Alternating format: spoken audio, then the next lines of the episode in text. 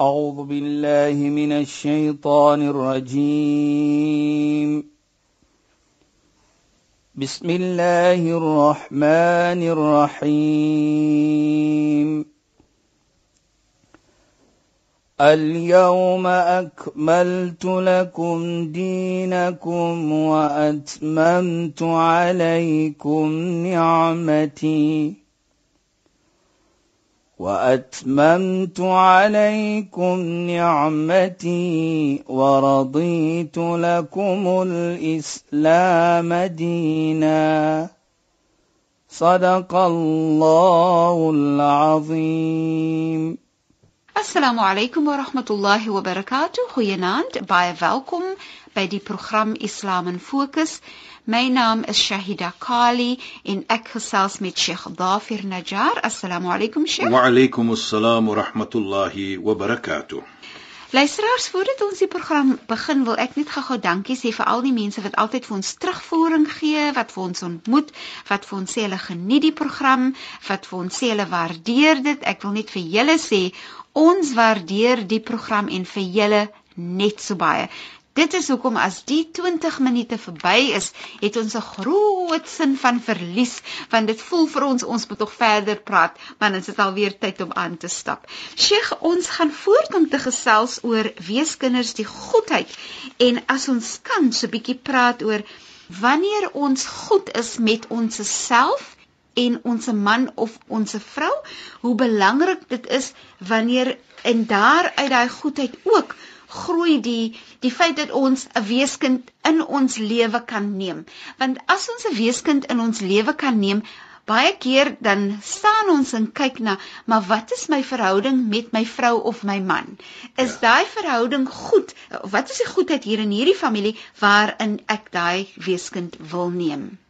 بسم الله الرحمن الرحيم الحمد لله والصلاة والسلام على رسوله صلى الله عليه وسلم وعلى آله وصحبه أجمعين وبعد السلام عليكم ورحمة الله تعالى وبركاته en goeienaand aan ons geëerde en geliefde luisteraars. Ek weet Shaida, ons het mos verlede week gepraat van wa ibadur rahman alladhina yamshuna 'ala al-ardi hawna wa idha khatabahum al-jahiluna qalu salama. Kyk net, ons het gepraat van die Ibadur Rahman wat ons mooi verstaan en ons het gesê van die deskripsie is hulle is eerbiedige mense. Hulle loop op die wêreld met eerbiedigheid. En wat is eerbiedigheid hier is om mooi te lewe met die mens. Dat jy nie gaan mens seermaak nie. Dit herinner vir my van 'n persoon by die naam van Zain ibn Aslam. Hy sê op hierdie versie van Houna wat Allah gebruik wat dit eerbiedigheid is hy probeer om uit te gaan vind wat is hier die houna, die eerbiedigheid wat hier gepraat word van. Toe sê hy hy ontmoet 'n persoon en hy vra vir die persoon Hy's 'n baie geleerde mens. Wat bedoel hierdie woord? Hy wil meer weet van hierdie woord van houna wat bedoel eerbiedigheid. Toe sê die persoon vir hom: "Hounan bedoel alladhina la yuridun al-fasada fil ardi." Is persone hulle wil nie verkeerde iets sien in die wêreld nie. Hulle is mense wat net wil goed maak vir anders. Hulle is mense wat omgee vir anders. Nou kyk net dat onmiddellik na dit Sayyida en luisteraars praat Allah wa idha khatabahum al-jahilun qalu salama. Nou kom ons wat uur gepraat het van van daardie huwelik die man en vrou is hulle reg om 'n weeskind byvoorbeeld aan te neem in hulle huis. Nou as ons hierdie versie neem en ons implementeer wat Allah praat hier en natuurlik gaan daar mos maar altyd so 'n stukkie van verskilheid kom tussen man en vrou. Elke huis het maar sy kruisie. Sommige sê elke huis het 'n groot kruis. Ja, nee. Nou as ons verskil met mekaar, Shaida, dan moet ons verskil met mooiheid.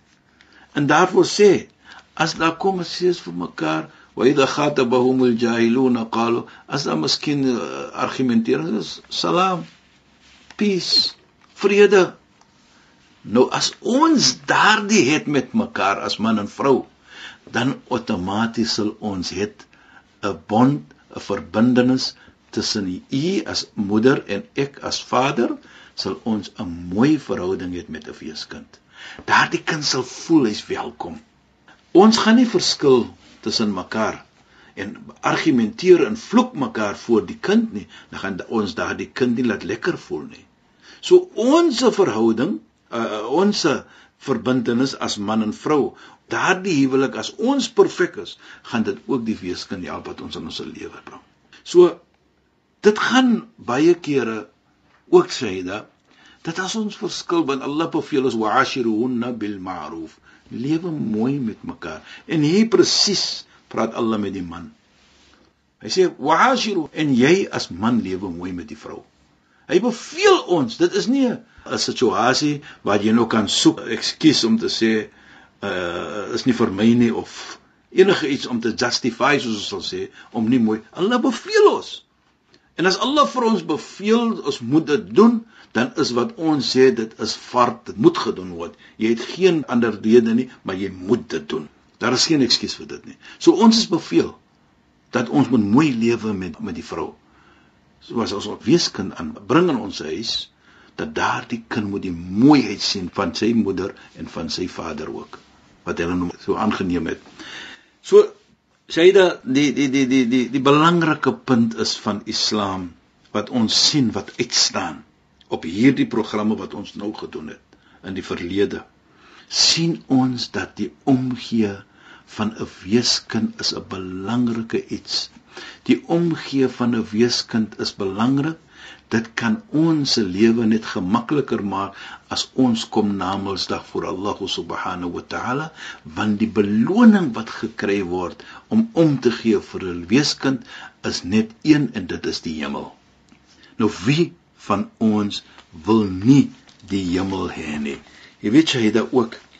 Ons het gepraat ook in die verlede van ons aanbidding wat ons gepraat het van die versie wa ibadur rahman dat ons dit doen met liefde. Jy doen dit met eerbiedigheid. En as jy dit doen, dan outomaties sal jy die genade toon vir jou medemens, vir die weeskind. Dit herinner my van 'n gesegde van die heilige profeet Mohammed sallallahu alayhi waar hy sê: "Thalathatun la turfa salatu fawqa ru'usihim shibran. Drie tipe persone as hulle salama, hulle salat sal nie hoor as hulle soos ons sal sê hulle kop by 'n duim gaan nie. Wat bedoel? Dit sal nie Allah ryk nie. Dit sal nie aanvaar word nie. Dit sal nie aangeneem word by Allah nie. Alhoewel jy dit doen, maar dit sal nie aangeneem word nie. Een van dit sê die heilige profeet is twee mense wat kwai vriende lewe met mekaar. Hulle haat mekaar. Hulle gee nie om vir mekaar nie. Hulle vervloek mekaar. En dit sê vir ons dan dat in Islam is daar nie 'n plek om hard te wees en kwai vriende te wees vir mekaar nie. En as jy kwai vriende is vir mekaar, dan bedoel die gee mos nie om vir mekaar nie. En ek dink dit is waar die sala vir ons dan sê dat as jy dit doen, moet jy dit doen op 'n manier wat dit vir jou sug maak. En jy weet Shaida dat baie kere sien ons as jy die sala opreg maak, kyk net wat sê die heilige profeet ook, dan outomaties sit jy vir jou in 'n situasie waar jy as persoon as daar miskien iets is wat jy gedoen het wat verkeerd is, sal jy die persoon wees wat vorentoe gaan en gaan vra vir vergifnis vir die persoon as jy iets verkeerd gedoen het. Daarvoor sê hy: "Khairukum khairukum man abda'u bis salam." Die beste van julle is die een as daar kwai vriende is tussen twee mense. Die beste van julle twee is die een wat eerste gaan om vergifnis te gaan vra. Dit maak nie nou hier saak wie's reg en wie's verkeerd nie. Maar dit is wat die omgee is. Dit is as jy jammer is dat jy kan die beste persoon raak as jy jou sala opreg maak en dit affekteer so 'n manier vir jou dat jy 'n beter mens sal raak. Sheikh nou uh, verwys Sheikh na die mense wie se sala nie aangeneem sal word nie. Ja. En Sheikh het gesê twee mense wat kwai vriende lewe met mekaar en regtig wat Sheikh dan nou beskryf is mense wat soveel kwaadheid in hulle harte hou dat daar nie omgee is nie, dat daar Ja. nie genade is nie, dat daar nie jammerte is nie, dat daar nie eerbiedigheid is nie en dit is hoekom hulle voel ek kan nou maar kwaad bly, ek hoef nie met hulle te praat nie en so meer. Ek wil graag hê dat Sheikh ook die ander twee um situasies moet beskryf wanneer die salani aangeneem word nie want Ja. dit is vir my baie interessant. Jy weet jy dat die mooiheid van al drie is geheg aan mens. Okay, Sheikh. Al drie. Die ander een is warajulun umma qauma. Is 'n persoon. Hy is die leier van die mens. Maar hy doen dit nie op 'n regte manier nie en sodoende daar is nie respek vir hom nie as 'n leier nie. En dit die persoon is hy se sy sala word nie aangeneem nie. Hy is nie 'n voorbeeld vir sy medemens nie, maar hy wil hulle lei. En die tweede en dit is natuurlik geheg, Saida, jammer om te sê aan 'n vrou. Wamra'atan batat wa zawja 'alayha rabbaliha sakhit. Is 'n vrou sy oornag byvoorbeeld, sy gaan nou slaap, maar die man is nie so tevrede met haar nie, sy het iets verkeerd gedoen en die man is 'n bietjie kwaad deur die ietsie wat sy verkeerd gedoen het. Nou, wat bedoel dit Shaida? Sy kom nie vra verskoning vir die man nie en sy gaan net nou slaap en soos ons sê, dit maak nou nie saak wat nie, jy kan maar praat en jy kan maar dit of dat, maar dit is waar die persoon, die vrou hier nie so sala sal aangeneem word nie. Natuurlik Shaida, So weer eens 'n houding van arrogansie. arrogansie Shaida. Onthou daardie houna wa ibadur rahman alladhina kigum as aanbidding doen. Dat as ons die aanbidding doen moet ons dit doen dat dit vir ons hart kan vul met genade. Dit kom als om genade teenoor mekaar. Jy kan nie arrogant wees oor jou medemens as jy 'n leier is nie. As jy arrogant is dan outomaties wat bil jy in die medemens dat hierdie persoon kan nie ons leier wees nie.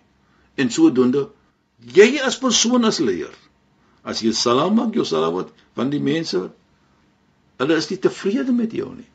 En die vrou wat iets verkeerd gedoen het aan 'n man maar sy is nie jammer daaroor nie. Kyk net is als geheg aan mens waar jou aanvaring van sala jou makboelskap van die sala die acceptance van die sala is geheg Gekoppel. gekoppel aan mensheid. Dit sê vir ons ook dan baie van hoe het ons in die begin gesê dit, nie van hierdie programme in die verlede van hoe belangrik jou situasie, jou koppel is met jou medemens. Dit gaan nie net op Allah alleen nie, maar dit gaan ook om mee. In Islam praat ons ook van diere. Hoe jy omgee vir dier. Ons weet die mooi hadith, die gesegde van die heilige profeet van 'n man wat 'n bietjie water gaan drink het. Toe was hy dors, toe kom hy uit die put en hy sien hier staan 'n hond, 'n hondjie met sy tong uit en hy sê faqat asaba hadha al-kalb misl ma asabani. Daardie hond het dieselfde situasie wat ek myself ingevind het van die dorsheid en hy gaan af en hy bring bietjie water op en hy gee vir die hondjie dit. En hy gaan weer af tot na die hondjie nou lekker gedrink het. Sy dors is oor en hy loop toe weg. Die heilige profeet sê so 'n persoon is hemel toe. Nou as jy omgee vir 'n hondjie Shaida en die hemelse deure wag vir jou, wat is die beloning nie vir jou as jy omgee vir 'n medemens en hier presies vir 'n weeskind nie. Die hemel wag net vir jou. En wie van ons sal nou nie net om te vat aan die kop of die haar van 'n weeskind laat hy kan 'n lekker gevoelendheid kry nie. Nou kyk net wat sê die heilige profeet ook. At-tabassum fi wajhi akhika sadaqa. Net om te glimlag in die gesig van jou medemens is 'n vorm van sadaqa, is 'n vorm van almos wat jy gee, is 'n vorm van goedheid wat jy doen. Want as jy 'n mens 'n glimlag gee, dan sal jy sê altyd wie daardie persoon, hy sal altyd glimlag met my. Hy is nie 'n norse mens nie. Hy laat vir jou lekker voel. Daardie glimlag is om die persoon lekker te laat voel.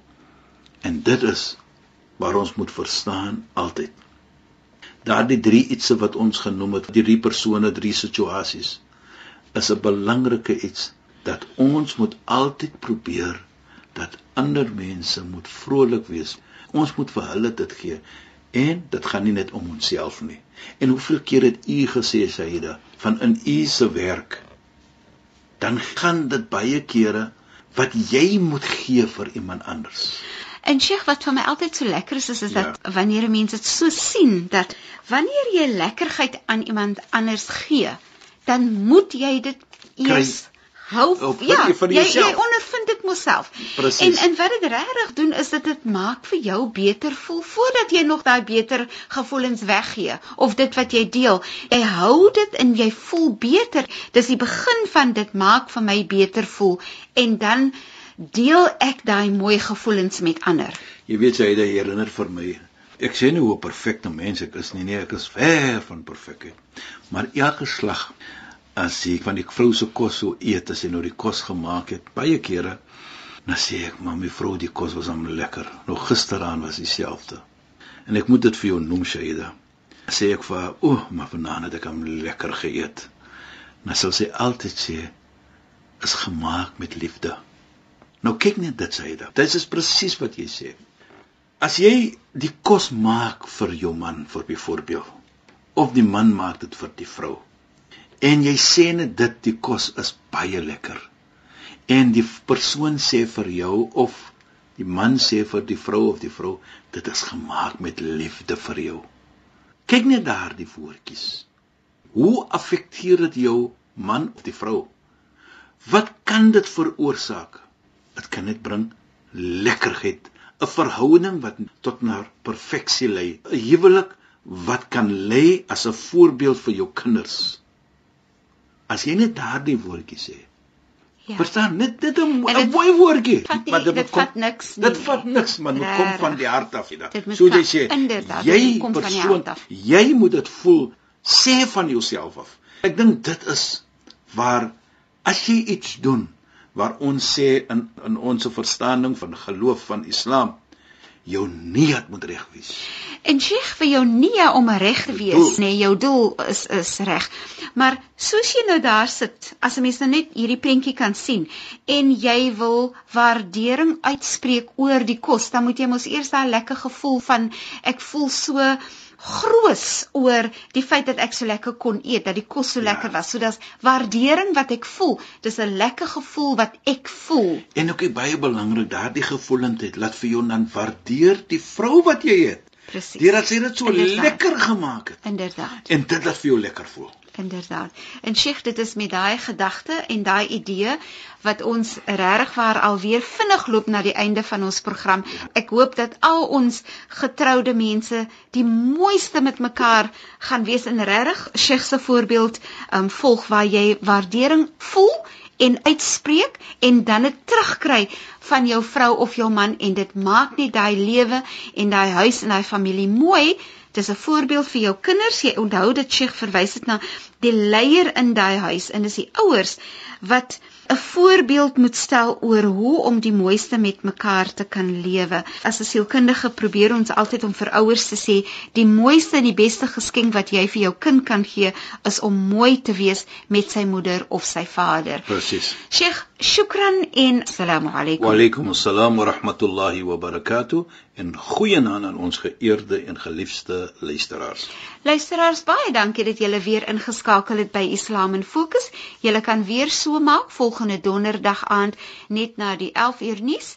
Ek is Shahida Kali en ek het gesels met Sheikh Dafir Najjar. Assalamu alaykum wa rahmatullahi wa barakatuh. Goeienaand en julle moet mooi bly. أعوذ بالله من الشيطان الرجيم. بسم الله الرحمن الرحيم. اليوم أكملت لكم دينكم وأتممت عليكم نعمتي. وأتممت عليكم نعمتي ورضيت لكم الإسلام دينا. صدق الله العظيم.